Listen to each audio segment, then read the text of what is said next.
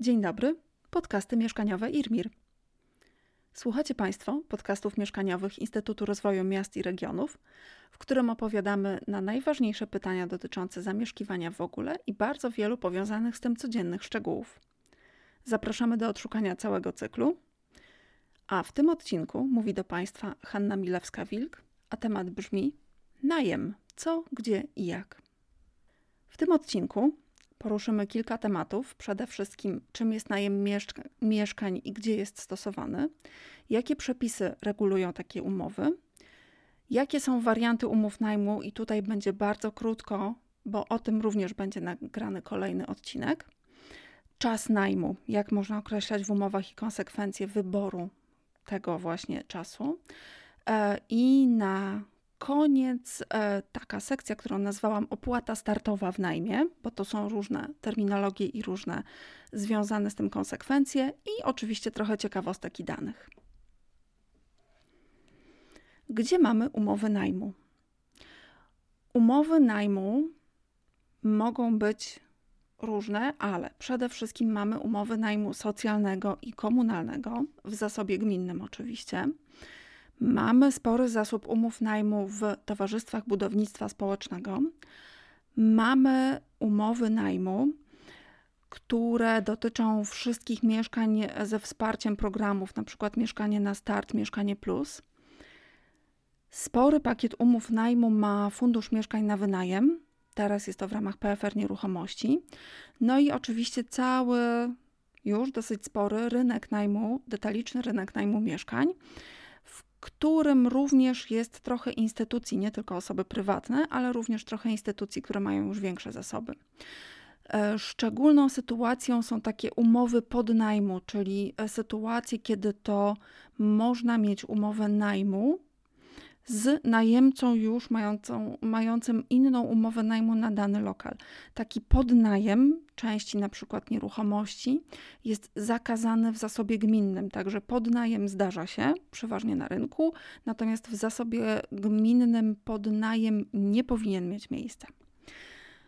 Czyli te umowy najmu są stosowane w już coraz większej liczbie mieszkań bo tutaj będę mówić dzisiaj wyłącznie o najmie mieszkaniowym. E, I po teraz podstawy prawne. Przede wszystkim, oczywiście, zasady najmu określa ustawa o ochronie praw lokatorów i kodeks cywilny, ale nie wszędzie. E, w ustawie o ochronie praw lokatorów są zdefiniowane zasady, na przykład dla całego zasobu gminnego, czyli właśnie umowy najmu socjalnego komunalnego, e, są zdefiniowane zasady najmu dla rynku i są nazwane właśnie specjalne umowy najmu, najem okazjonalny i instytucjonalny, ale na innych troszeczkę zasadach funkcjonują na przykład mieszkania służbowe, kiedy to zamieszkiwanie w danym mieszkaniu powiązane jest na przykład z umową o pracę na nieco innych zasadach są właśnie wynajmowane mieszkania w TBS-ach. Tutaj jest ustawa o niektórych formach popierania budownictwa mieszkaniowego i tam są inne określenia formy właśnie umów. E, I w tej chwili e, kończą się również prace nad społecznymi inicjatywami mieszkaniowymi, które mają jakby wejść w miejsce TBS-ów dotychczasowych i tam również będą określone niektóre zasady najmu właśnie w takich inicjatywach. Te różne rodzaje umów najmu mieszkań, zdefiniowane w kodeksie cywilnym i w ustawie o ochronie praw lokatorów, e, przede wszystkim różnice dotyczą czasu. Mogą to być umowy na czas określony bądź nieokreślony, umowy tak zwane zwykłe umowy najmu na czas nieokreślony, najczęściej są stosowane właśnie przez gminy, tutaj z rozróżnieniem na najem socjalny i komunalny. E, umowy w ramach TBS-ów e, również są z reguły zawierane na czas nieokreślony. E, umowy najmu na czas określony głównie są stosowane na rynku najmu. Najczęściej na rynku są to umowy podpisywane na rok i później ewentualnie przedłużane na kolejne lata, ale są stosowane na rynku. Umowy najmu socjalnego również bywają na czas określony, e, po którym to czasie trzeba znów przejść całą procedurę, weryfikację, czy dany najemca nadal może zawierać umowę najmu socjalnego. E, specjalnie opisane rodzaje umów to również umowy najmu okazjonalnego i umowy najmu instytucjonalnego. Obydwa te rodzaje umów są umowami na czas określony. Tutaj nie ma dowolności, to musi być zawarte na określony czas e, i wymagają dodatkowych dokumentów. W przypadku umowy najmu okazjonalnego dodatkowe dokumenty są sporządzane przez notariusza i jest to akt o poddaniu się egzekucji i wskazanie adresu do wyprowadzki, w razie gdyby najemca musiał wyprowadzić się z najmowanego mieszkania. Jeżeli najemca nie ma własnego mieszkania bądź udziału w jakimś mieszkaniu, nie może wskazać swojego takiego adresu, to potrzebna jest jeszcze zgoda właściciela nieruchomości na przyjęcie takiego najemcy pod swój dach. I tutaj e, ustawa nie precyzuje, czy ta zgoda również musi być notarialna. Najczęściej są to zgody, gdzie notariusz poświadcza podpis bądź bardziej zaawansowane, gdzie notariusz poświadcza, że osoba, która się przed nim stawiła, jest właścicielem określonego mieszkania bądź domu. Wskazana jest z reguły księga wieczysta i do tego jeszcze poświadcza podpis. To bardzo już zaawansowana forma, czyli trzy dokumenty dodatkowe do umowy najmu okazjonalnego e, lub dwa, jeżeli najemca ma swoje mieszkanie. E, do umowy najmu instytucjonalnego również są obowiązkowe załączniki, ale tylko jeden – tylko i wyłącznie akt o poddaniu się egzekucji, nie trzeba wskazywać adresu do wyprowadzki. E, zastrzeżenie w tym przypadku jest inne. Mm, umowy najmu instytucjonalnego mogą podpisywać z jednej strony instytucje, jako właściciele bądź wynajmujący, a z drugiej strony osoby fizyczne, które są najemcami, zostają najemcami w ramach takiej umowy umowy najmu okazjonalnego po obu stronach powinny być osoby fizyczne, czyli i wynajmujący powinien być osobą fizyczną, i najemca powinien być osobą fizyczną. Ten czas najmu, ja podkreślam mm, tutaj e, tak szczególnie, ponieważ ma to stosunkowo duże znaczenie, szczególnie dla najemcy. Umowy na czas nieokreślony zgodnie z przepisami dają najemcy większe zabezpieczenia i większą taką stabilność najmu. Na przykład podnoszenie czynszów przy umowach na czas nieokreślony jest możliwe na przykład co roku, ale tylko o wskaźnik inflacji publikowany przez Główny Urząd Statystyczny. Jeżeli e, wynajmujący chciałby podnieść czynsz o inną kwotę, bądź częściej, to musi to być uzasadnione. Tylko i wyłącznie w przypadku indeksowania czynszów o inflację jest to bez konieczności dodatkowych uzasadnień. We wszystkich innych przypadkach musi to być na przykład uzasadnione tym, że było, były zrobione nakłady jakieś na mieszkanie, że podniesiony był standard, że coś zostało ulepszone i dlatego czynsz jest podwyższany. Mm, w pewnych przypadkach również można uzasadnić podnoszenie czynszów tym, że generalnie czynsze rosną wokół, w podobnych mieszkaniach na rynku podnosi się poziom czynszów. E, to jest właśnie przy umowach na czas nieokreślony takie e, zabezpieczenie dla najemcy. Przy umowach na czas określony jest to właśnie rynkowy standard ze względu właśnie na to, że jest to nieco korzystniejsze dla wynajmującego i na ograniczenie jego ryzyka. E, przy umowie na czas określony po prostu czas upływa, umowa ulega, umowa zostaje zakończona i wtedy albo podpisujemy nową umowę z zupełnie nową wysokością czynszu, albo aneksujemy, możemy przedłużyć umowę na poprzednich zasadach, ale nie ma na przykład problemu z wypowiedzeniem czynszu. Tutaj trzeba przyznać, że na rynku obie strony najmu korzystają z tego, że nie trzeba jakoś składać specjalnych wypowiedzeń, bo jeżeli najemcy nie odpowiada mieszkanie, e, nie dogaduje się z wynajmującym, to po prostu upływa czas umowy i znajduje sobie coś innego. Wynajmujący, jeżeli ma jakiekolwiek kłopoty z najemcą, spóźniające się płatności, e, inne zastrzeżenia, również ta, ta umowa upływa i w tym momencie strony jakby mogą się rozstać bez konieczności wypowiadania sobie tej umowy dodatkowych formalności. Wypowiedzenie właśnie przy umowach na czas określony nie jest przewidziane w ogóle. Czyli jeżeli mamy umowę na czas nieokreślony, rzeczywiście najemca może wypowiedzieć tą umowę bez żadnego dodatkowego uzasadnienia na trzy miesiące naprzód. W przypadku wynajmującego rzeczywiście to musi być uzasadnione, te terminy mogą być zdecydowanie dłuższe nawet. E, natomiast jeżeli mamy umowę zawartą na przykład na rok, na dwa lata, na trzy lata, to jeżeli w tej umowie najmu nie wpiszemy, nie przewidzimy, że najemca może wypowiedzieć umowę w określonej sytuacji, na przykład kiedy będzie miał zamiar wstąpić w związek małżeński, albo kiedy będzie się przenosił do własnego zakupionego dla siebie, na własne potrzeby mieszkania, to nie ma możliwości takiego wypowiedzenia na przykład na miesiąc naprzód, bez dodatkowego uzasadnienia, co jednak dosyć często strony wpisują sobie w umowę najmu. Najemcy wolą mieć takie dodatkowe wyjście jeszcze. Wynajmujący się na to często zgadzają, natomiast przy umowach na czas określony nie ma takiej możliwości wypowiedzenia na miesiąc, na trzy miesiące naprzód, jeżeli tego nie wpisaliśmy i nie uwzględniliśmy. Zawsze można każdą umowę rozwiązać za porozumieniem stron, czyli strony ustalają warunki na których ta umowa wcześniej się zakończy. Podpisują takie porozumienie wspólnie, nie to, że jedna strona wysyła coś takiego drugiej, ale to jest wspólnie ustalony dokument podpisany przez obydwie strony. I oczywiście w takim porozumieniu zawsze możemy mieć dowolny okres.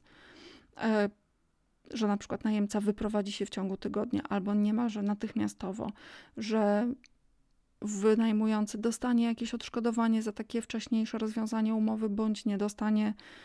Tutaj można wpisać to po prostu, co strony uzgodniły. I tutaj właśnie przechodzimy do tego, co zapowiedziałam jako opłaty startowe w najmie. Mamy na pewno kaucję albo depozyt ale terminologie używane w różnych ogłoszeniach, w różnych warunkach i w, przy różnych umowach najmu mogą się zdecydowanie różnić.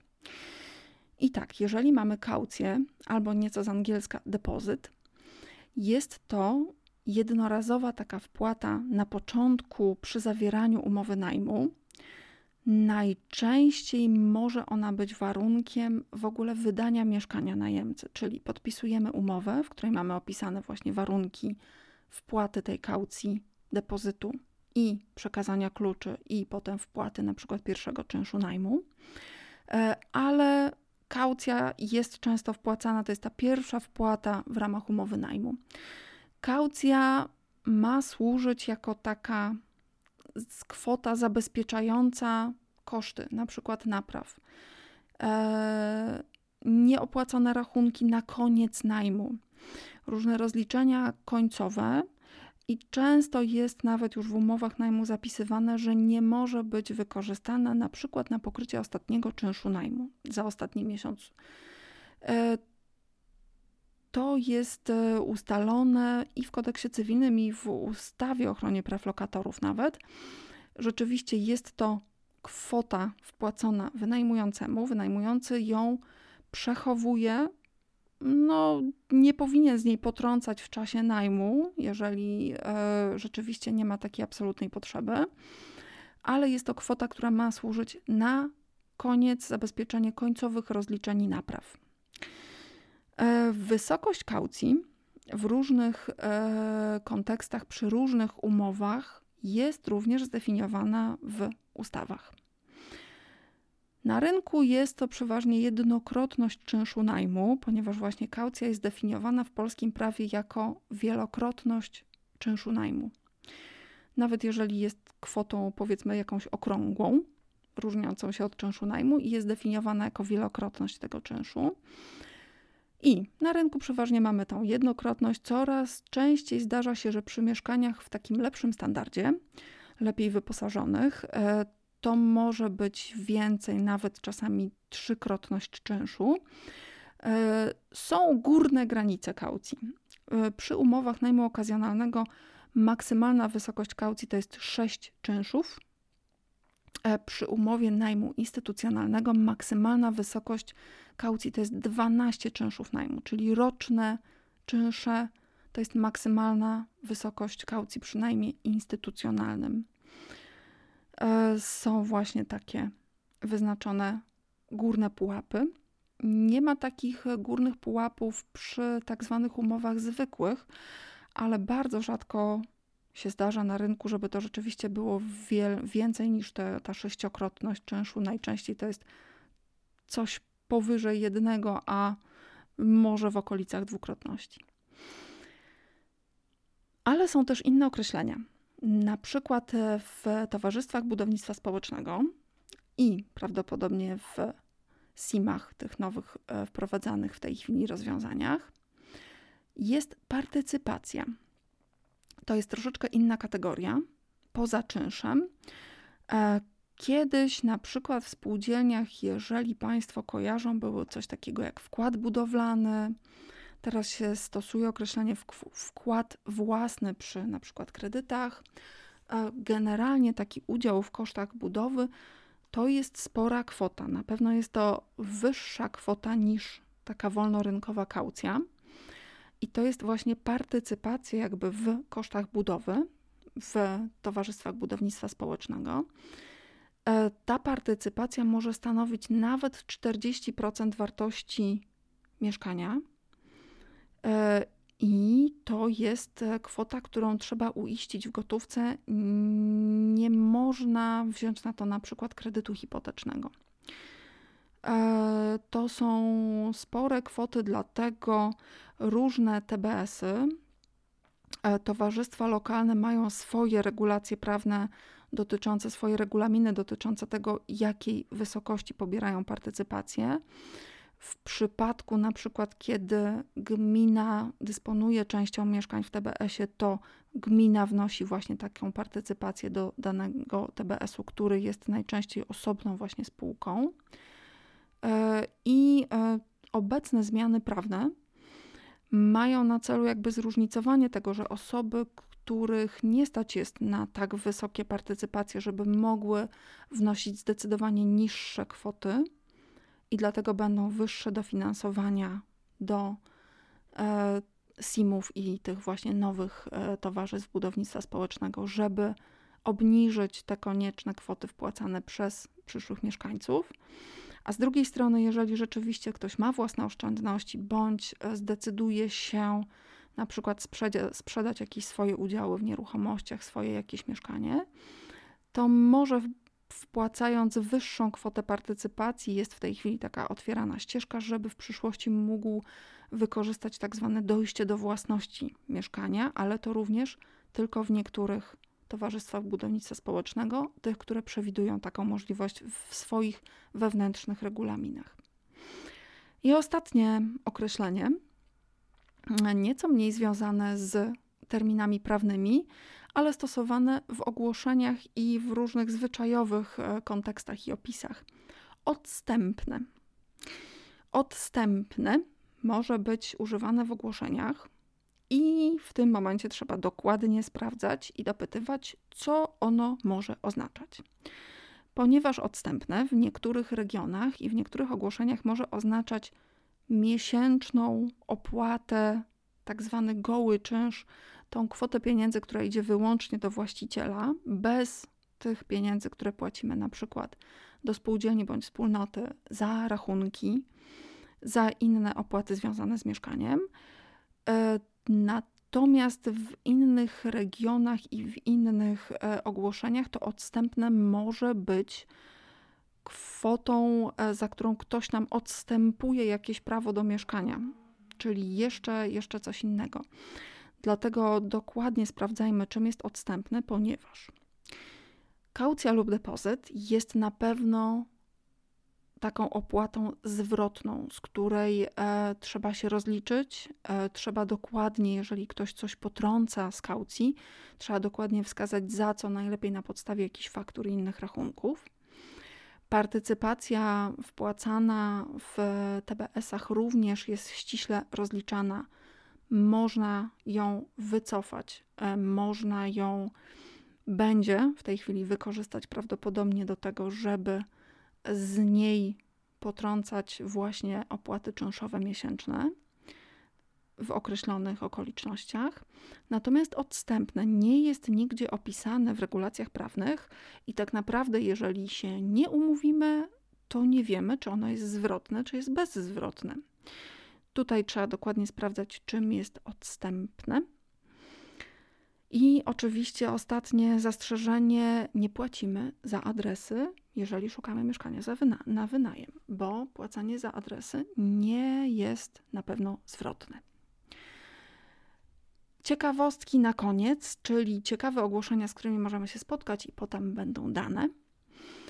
Ogłoszenia, które mogą często kogoś skusić, to na przykład ogłoszenia z treścią sprzedam mieszkanie w TBS. W takich ogłoszeniach często kwota podawana przez osobę taką sprzedającą, nazwijmy ją, jest stosunkowo niska i jest bardzo atrakcyjna, jak na dane miasto, dane, dane dzielnice, w których, w których takie TBS-y są. No właśnie, ale czy to jest na pewno sprzedaż i czy to jest na pewno mieszkanie? Hmm. W, tak jak już wcześniej wspomniałam, w towarzystwach budownictwa społecznego są umowy najmu. Czyli nie ma sprzedaży mieszkania, tylko tutaj właśnie możemy użyć tego słowa, że ktoś chce odstąpić. No właśnie, ale mieszkanie czy umowę? Hmm, i tutaj właśnie trzeba by było powiedzieć, że taki ktoś dający ogłoszenie chciałby komuś odsprzedać swoje prawo do zawarcia umowy najmu z Towarzystwem Budownictwa Społecznego. Ta kwota, która jest podawana w ogłoszeniu, dosyć atrakcyjna, to jest właśnie ta kwota najczęściej partycypacji, ale nieco powiększonej, ponieważ mieszkania w TBS-ach ym, często ludzie sobie dodatkowo wyposażają, wykończają, e, upiększają. Czyli te wszystkie nakłady, które były poniesione na mieszkanie, taka osoba, która chce odstąpić mieszkanie, która ogłasza właśnie takie mieszkanie, e, chce po prostu odzyskać. E, dlatego te kwoty są atrakcyjne, ponieważ to jest właśnie około 50-60% wartości mieszkania, takiej czysto rynkowej, która, którą możemy mieć e, podawaną w innych ogłoszeniach o sprzedaży ale niestety to nie jest na pewno sprzedaż i nie jest to na pewno mieszkanie w TBS-ie, bo tutaj mamy umowę najmu. E, z ciekawostek, na przykład na taką właśnie partycypację w TBS-ie nie można wziąć kredytu, ponieważ jeżeli mamy tam umowę najmu, nie jesteśmy właścicielami. Jako najemcy nie możemy obciążyć kredytem hipotecznym mieszkania, które nie należy do nas. Taką, takie prawo ma tylko i wyłącznie właściciel.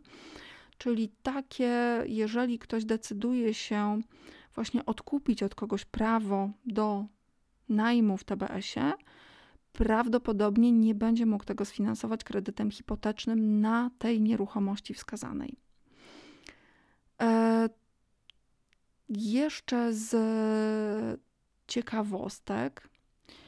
E, bardzo często e, sami, same osoby, które dają takie ogłoszenia, nie do końca wiedzą, że nie powinny nawet tego dawać. I uwaga, niektóre TBS nie pozwalają na taki obrót prawem do zawarcia umowy najmu, ponieważ mają na przykład swoje regulaminy dotyczące tego, kto może zostać najemcą. Same TBS-y chcą sprawdzać, czy taka osoba ma odpowiednie przychody, które pozwolą jej finansować comiesięczne opłaty. E, często TBS-y mają taką rolę właśnie mm, wspierającą również. Jest to sektor, społeczny sektor mieszkaniowy, w związku z tym e, TBS-y mają również górne taki górny pułap, ile może dana osoba zarabiać, nie więcej niż, ponieważ mają to być mieszkania dla osób powiedzmy o średnich dochodach, które nie do końca mogą sobie właśnie pozwolić mieszkanie na, wol- na najem mieszkania na wolnym rynku. Na deser. Trochę bardzo różnych danych. E, ile może być umów najmu? Otóż gminy podawały na koniec 2019 roku, że gminy mają zawartych ponad 641 800 umów najmu komunalnego, socjalnego. Mm, e, zasoby TBS-ów, Towarzystw Budownictwa Społecznego, na koniec 2018 roku e, to było 102 272 mieszkania. E, przeważnie wszystkie mieszkania w TBS-ach są wynajęte, bardzo rzadko są puste i czekają na kolejnego najemcę. Tutaj najemcy zmieniają się, także możemy przyjąć, że te ponad 102 tysiące mieszkań to jest również tyle samo umów najmu. E, najem rynkowy i detaliczny. Tutaj nie ma danych o umowach najmu. Część umów jest rejestrowana, ale większość po prostu jest zawierana między stronami. Te zwykłe umowy najmu, o których wspominałam na początku, nie muszą być rejestrowane, że tak powiem, na sztuki, czyli że dana umowa najmu jest zarejestrowana, tylko podatnik musi wykazać i opodatkować przychód z tych umów. Więc tych podatników, który, którzy wykazali, że mają przychody z najmu, e, na koniec i może tak, zeznania za 2019 rok złożyło takich e, podatników złoży, było ponad 876 tysięcy. E, jeden podatnik to może być również małżeństwo. Więc już tutaj e, rzeczywiście liczba tych podatników może przekraczać e, liczbę umów najmu zawiera, zawartych przez gminę i w zasobach TBS-ów. Z ciekawostek najem instytucjonalny, czyli te specjalne umowy najmu instytucjonalnego. E, na razie te dane nie są zbierane, ponieważ to jest dopiero początek i takich danych za lata poprzednie jest bardzo malutko ale generalnie najem instytucjonalny to na koniec 2020 roku około 5 tysięcy mieszkań. Mm, około 2000 mieszkań to był e, fundusz mieszkań na wynajem. E, bardzo aktywnie rozbudowywały się dopiero mieszkania mm, w ramach Funduszu Mieszkań dla Rozwoju i one są w miastach e, niekoniecznie tych największych, ale na przykład we Wrześni, Świdniku, Oławie, w Nowym Targu. To są duże inwestycje jednorazowe. Flagową jest taka, takie osiedle Nowy Nikiszowiec i to rzeczywiście jest całe osiedle, nawet nie jeden budynek. Jest coraz więcej firm e, inwestujących właśnie w budynki, ale w największych miastach w Polsce i tutaj e, można sprawdzić, to jest już około 6-7 w tej chwili e, firm inwestujących właśnie w mieszkania na wynajem w różnych formach i prawdopodobnie będzie ich więcej. Także rynek, ten rynkowy najem prawdopodobnie sądząc po danych, które mamy, ale to są z jednej strony dane o umowach, z drugiej strony dane o podatnikach, więc trudno będzie to porównywać wprost. Ale prawdopodobnie ten najem czysto rynkowy przerósł już ten sektor cały społeczny najmu, czyli to, co jest w mieszkaniach komunalnych i w zasobach TBS-ów.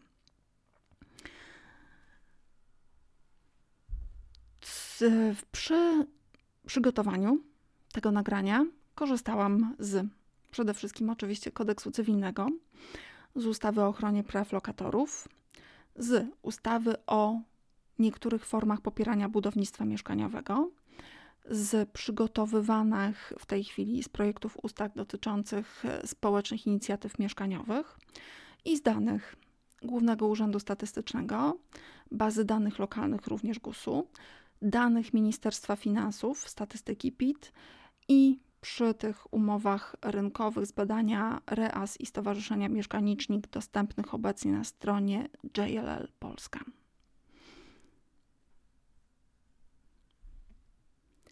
Dziękujemy za wysłuchanie kolejnego odcinka podcastów mieszkaniowych Instytutu Rozwoju Miast i Regionów. Zapraszamy do subskrypcji, komentowania, zadawania pytań. Mogą Państwo znaleźć nasze podcasty na stronie internetowej www.irmir.pl łamane przez podcasty mieszkaniowe Irmir. Mogą nas Państwo znaleźć na wszystkich dużych platformach podcastowych, a stroną domową jest Anchor FM łamane przez Irmir. Zapraszamy osoby, którą, które lubią widzieć, o czym jest mowa na kanał YouTube Instytutu Rozwoju Miast i Regionów. W playliście podcasty mieszkaniowe znajdziecie Państwo nagrania prezentacji do każdego odcinka. I wszelkie zapowiedzi i nowe odcinki są również na Facebooku Centrum Doradztwa Rewitalizacyjnego IRMIR. Zapraszam do polubienia tego profilu. Do usłyszenia.